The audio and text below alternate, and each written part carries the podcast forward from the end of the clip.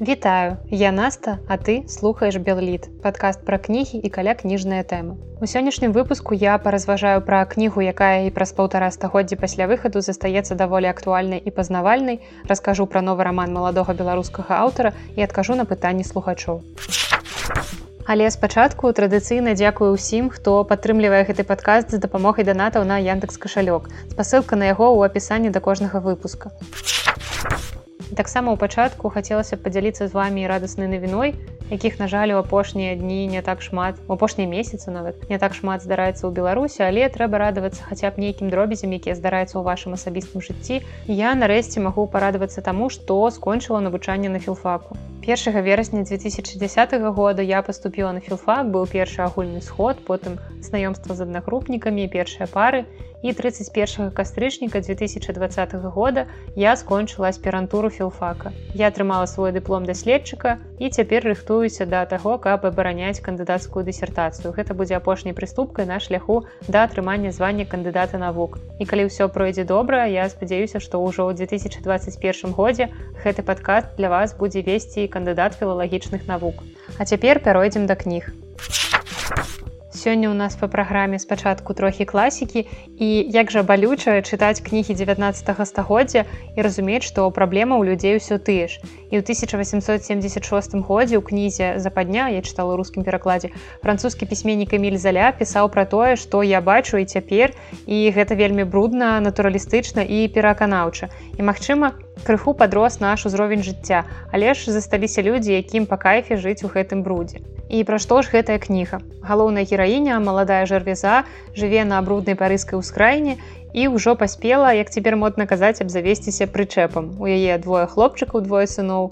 Няма мужа, але ёсць бацька яе дзяцей, сужыцель ланцье, які прыходзіць, калі яму хочацца і не вельмі дапамагае па гаспадарцы. Жарвеза шмат працуе ў пральні, каб і пакой здымаць і сям'ю карміць, а ланцье оказывается простым альфонсам і на яе месцы іншая парадавалася што пазбавілася ад дармаеда але тут у жанчыны ўключаецца філасофія якую я даволі часта сустракаю і цяпер. Няхай ён гуляе б'е затое ён свой родны і заўсёды да мяне вяртаецца. І даволі хутка жарвеза сустракае іншага мужчыну. На першы погляд прыстойнага страхара купо. Яна выходзіць замуж і ну можа быть нарэшце ўсё наладзіцца і далей тут сюжэт без спойлераў, але пра цяжкую жаночую долю вы прачытаеце ў кнізе не раз. У рамана сімвалічная назва, бо так называецца забягалаўка, дзе героя выпіваюць. І гэта таксама прыводзіць іх у жыццёвую пастку. І наогул тэма алкагалізму ў кнізе адна з вядучых. І ў мяне занадта ад яе трыгерыла. І заля ў сваіх раманах увогуле часта ставіць у цэнтр нейкую страсть чалавека і ў гэтым творы гэта алкаголь таксама яшчэ адзін мой трыгер які сустракаецца ў кнізе гэта ежа. Заля даволі падрабязна апісвае жабрацкі побыт і не раз падкрэслівае наколькі героі галадаюць. І жарвеза бясконца думае пра ежу асабліва калі галодная.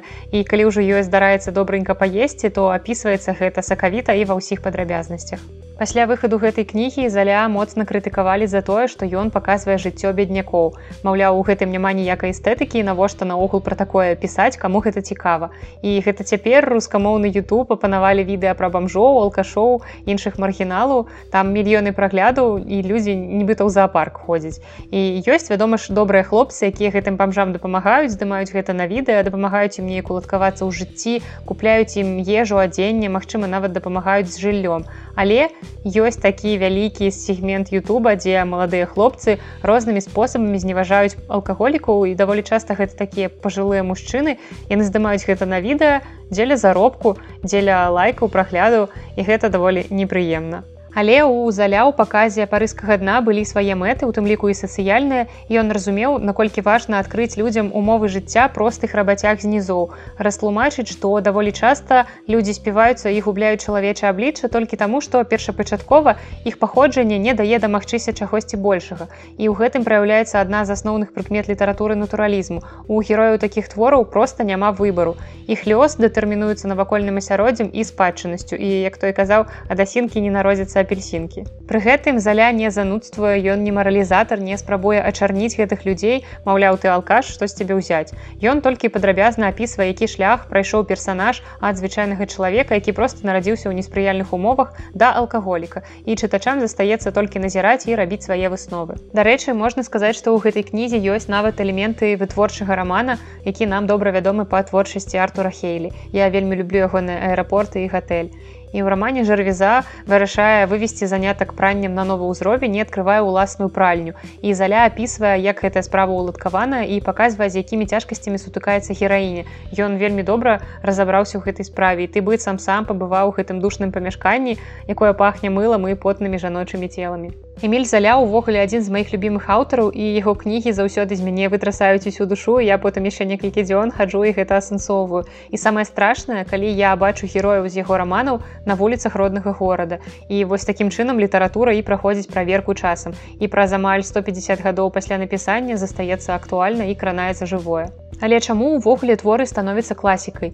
бо нават пра стагоддзя яны знаходзяць водгук чытачоў ці наватарствам мастацкіх метадаў ці абранымі тэмамі бо часы розныя а праблемы людзей хвалююць аднолькавыя І другая кніга ў сённяшнім выпуску, якая абяцала гэта раман порта нігра маладога беларускага пісьменніка Масіма Кутузава. Кніга выйшла сёлета ў выдавестве галіяфа.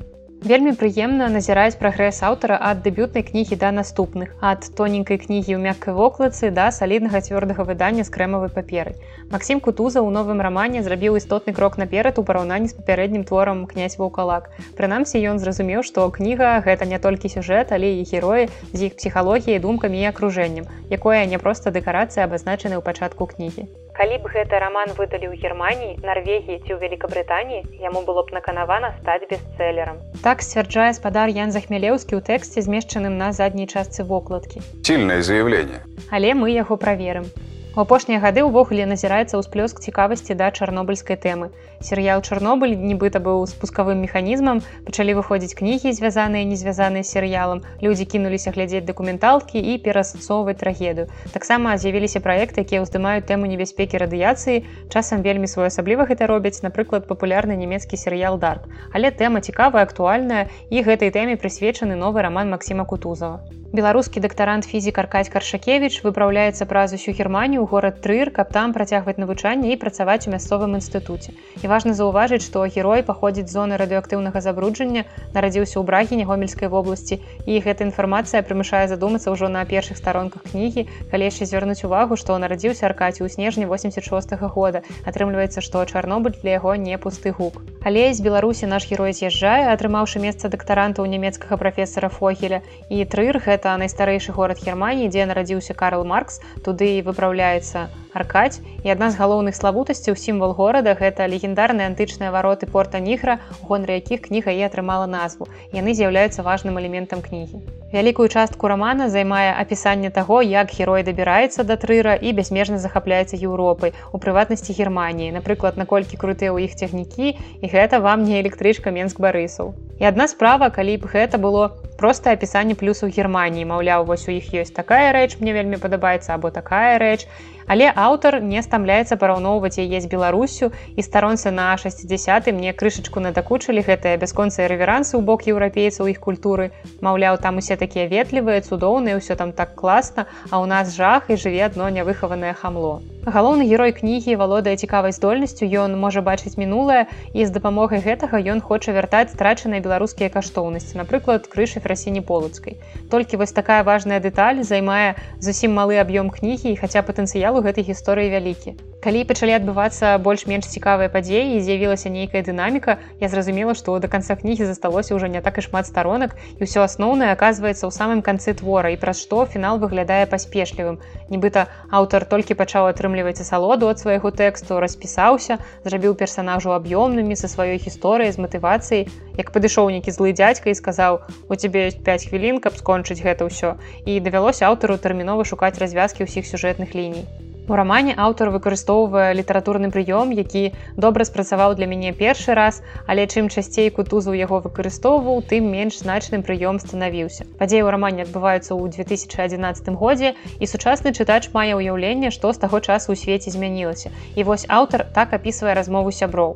Ты можаш сабе ўявіць, што арку ў пальміры хто-небудзь разбурыць ці да прыкладу, што ў натырдаме адбудзецца жудасны пажар напярэдадні якога-небудзь надзвычай значнага хрысціянскага свята на вялік дзень скажам. Мы жывём у 2020 годзе і ведаем, што ў 2015 годзе ісламскай дзяржавы была канчаткова знішчаная манументальная арка пальміры. А 15 красавіка 2019 года адбыўся пажар у саборы парыскай Божай маці якраз напярэдадні вялікадня. І справа ў тым, што ў творы гэта было не першае выкарыстанне такога прыёму і з кожным разам ён працаваў усё менш. І я толькі стомлена ківала галавой і думала: ну добра, добра хлопча, мы бачым, як тебе хвалюе лёс помнікаў архітэктуры. Але ад мяне асабісты рэспект аўтару за згадку песень гурту сабатоны білі талент, як бальзам на душу проста бачыць гэтыя любімыя гурты ў беларускай кнізе.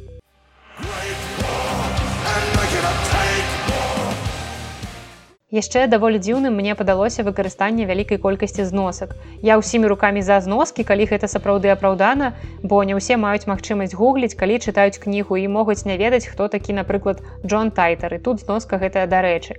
Але ж навошта у сучаснай кнізе тлумачыць чытачам, што такое Wi-Fi ці офлайн.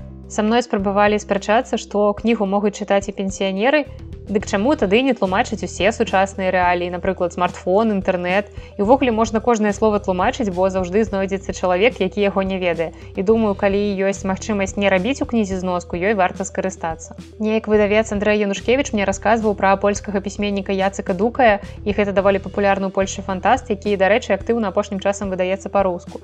І ягоныя творы заўжды прасякнутыя рэлігійнымі міфічнымі матывамі, але пісьменнік не любіць, калі ў кнізе ёсць зноскі, бо лічыць, што чытанне напісанне кнігі. Гэта праца своеасаблівы даследчы працэс і ты спрабуеш неяк расчытаць аўтарскія сэнсы. Таму навошта выдаўцам рабіць працу за чытача палягчаць яму жыццё і пазбаўляць радасці адкрыццю.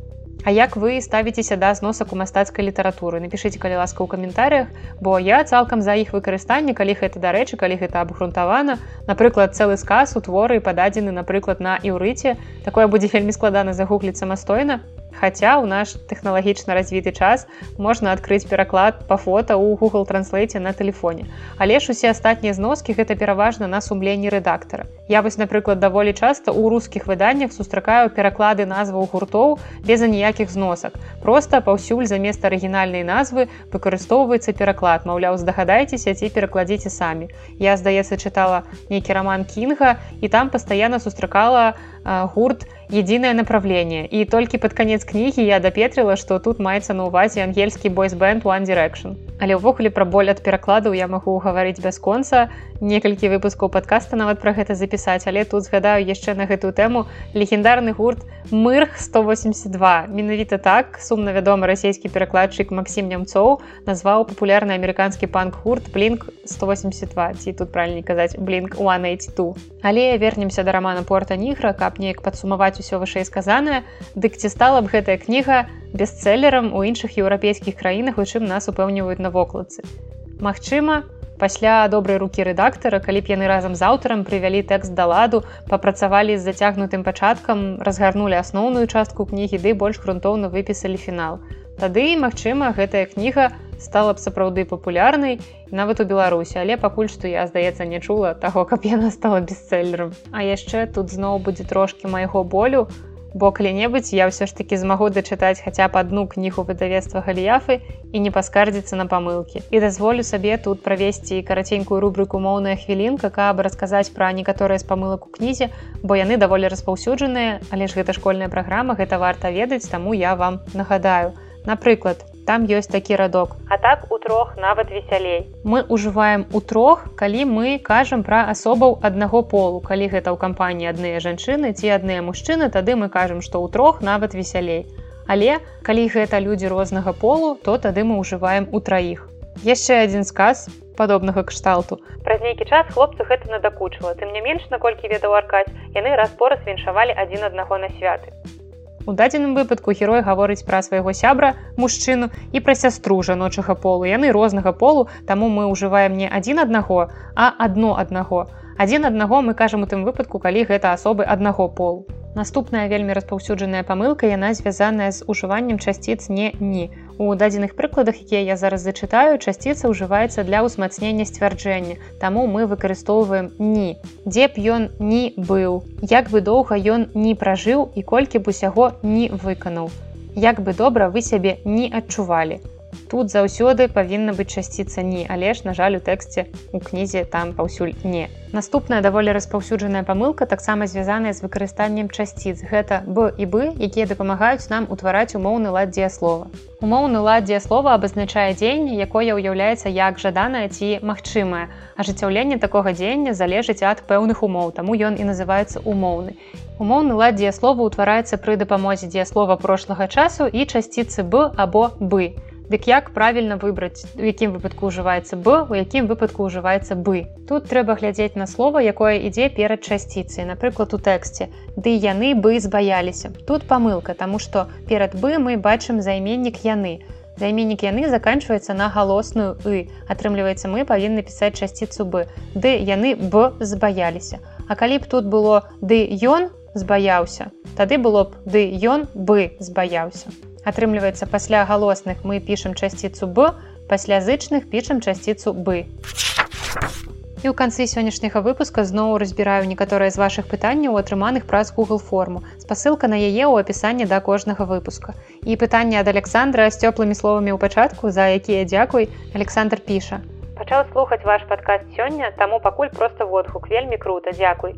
Ну і пытанне а ці можаце вы нешта параіць у стылі кіберпанк непасрэдна ў беларускім сеттынгу гэтым пытаннем я неяк задалася вясной бо мяне таксама гэта спыталі. І па дапамогу я звярнулася да беларускага пісьменніка владимира садоўскага які якраз працуе фантастычных жанрах. І ён адказаў што кіберпанк памёр і ў беларускай літаратуры няма такога тру кіберпанка. Ёсць некаторыя аўтары якія спрабуюць сваёй творчасці прыпісаць яго рысы напрыклад садоўскі кажа пра ілюсіна які свой апошні твор лібіда які дарэчы пераможца прэміі гідроіца леташняй ён пазіцыянаваў як кіберпанк. Ці напрыклад пісьменнік Андрей Андрэй дзічэнка піша свае апавяданні таксама ў такім жанры як сам ён кажа. І да дыскусіі пра кіберпанк далучыліся іншыя ўдзельнікі майго чата літаратурнага ад тэлеграм-канала білліт людзі дадалі ў спіс п'яўку станкевіча як антыутопію з элементамі кіберпанку але я асабіста гэты твор не раю перакладчык Андрей валінскі спытаў навошта людзям жанр? Я тут дакладна цытую. Навошта людзям жанр які яшчэ ў 90 даў дуба ну як бы усе маюць розныя густ таму тут нічога супраць не маю. І калі падагульніць такім чынам відаць адказ на пытанне у нас все вельмі дрэнна з кіберпанкам Таму калі вы пішаце ці толькі збіраецеся ўвайсці ў літаратуру то можете звярнуць увагу на такую запатрабаваную але не занятую нішу. Дарэчы у нас увогуле з фантастычнымі жанрамі даволі сумна і хоць ты сама сядай ды пішы. І наконт гэтага ў канцы раскажу вам одну цікавую гісторыю і калі вы цікавіцеся фантастыкай то магчыма для вас яна вядомая. Вы дакладна чулі імя такога сучаснага фантаста кітайскага як люцы сінь бо зараз ён на слыху нават у тых хто фантастыку асабліва не чытае. І ўвогуле апошнія гады апошнія десятгоддзі гэта нечуваны росквіт кітайскай фантастычнай літаратуры. І як жа увогуле так здарылася? А справа ў тым што кітайскія ўлады задумаліся яны ж здаецца такая высокатэхналагічная дзяржава яны вырабляюць вялікую колькасць рэчаў толькі вось гэтыя рэчы прыдумляюць у іншых краінах. І тады кітайскія ўлады пачалі цікавіцца чым у гэтым плане яны адрозніваюцца ад напрыклад ЗША і высветлілася што большасць топавых супрацоўнікаў тых жа гугла ці эпла выраслі на творах амерыканскіх фантастаў. Гэта азімаў брэдберы саймак. І дзецьмі яны чыталі кнігі гэтых пісьменнікаў яны натхняліся і імкнуліся ажыццявіць усе прадказанні апісаныя тымі пісьменнікамі.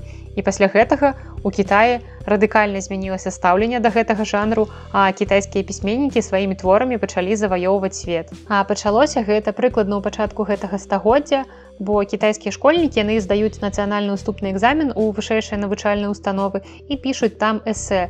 І калі раней тэмы эсэ былі даволі празаічныя або наадварот нейкія патрыятычныя напрыклад пра вялікі скачок то ўжо ў канцы 90-х у школьнікаў спыталі якой яны бачаць будучыню. Напрыклад у 99 годзе тэма эсэ была такой што калі б успаміны можна было перасадзіць вы ўвогуле ўяўляеце сабе такое сачыненне на алімпіядзе па беларускай мове. Я памятаю як я пісала пра вайну і ўвогуле пра такія нейкія тэмы маштабныя нават не буду гаварыць і вось цікава што ў тым жа годзе ў самым вялікім кітайскім фантастычным часопісе свет навуковай фантастыкі выйшаў артыкул з такой жа тэмай. І вядома ж гэта было супадзенне але ж бацькі маглі падумаць так што магчыма чытанне навуковай фантастыкі маім дзецям дапаможа патрапіць у каледж і І тады ў гэтыя ж гады наклад часопіса павялічыўся і дзеці нарэшце пачалі цікавіцца фантастычнай літаратурай. І хто быў крыху большы, ён і сам пачаў пісаць у гэтым жанры, публікаваўся ў часопісах, а потым ужо выдавалі і асобныя кнігі. І цяпер маем, што маем кітайскія аўтары стабільна ў топах фантастычнай літаратуры. Такім чынам мы бачым, як добра можа паўплываць дзяржаўная падтрымка, варта толькі пастарацца. І раскажыце мне ў каментарях, якіх жанраў вам не хапае ў беларускай літаратуры. А на сёння гэта ўсё спасылкі на ўсе кнігі ў апісанні да выпуска, а з вами была Наста і падкаст Белліт. Да сустрэчы.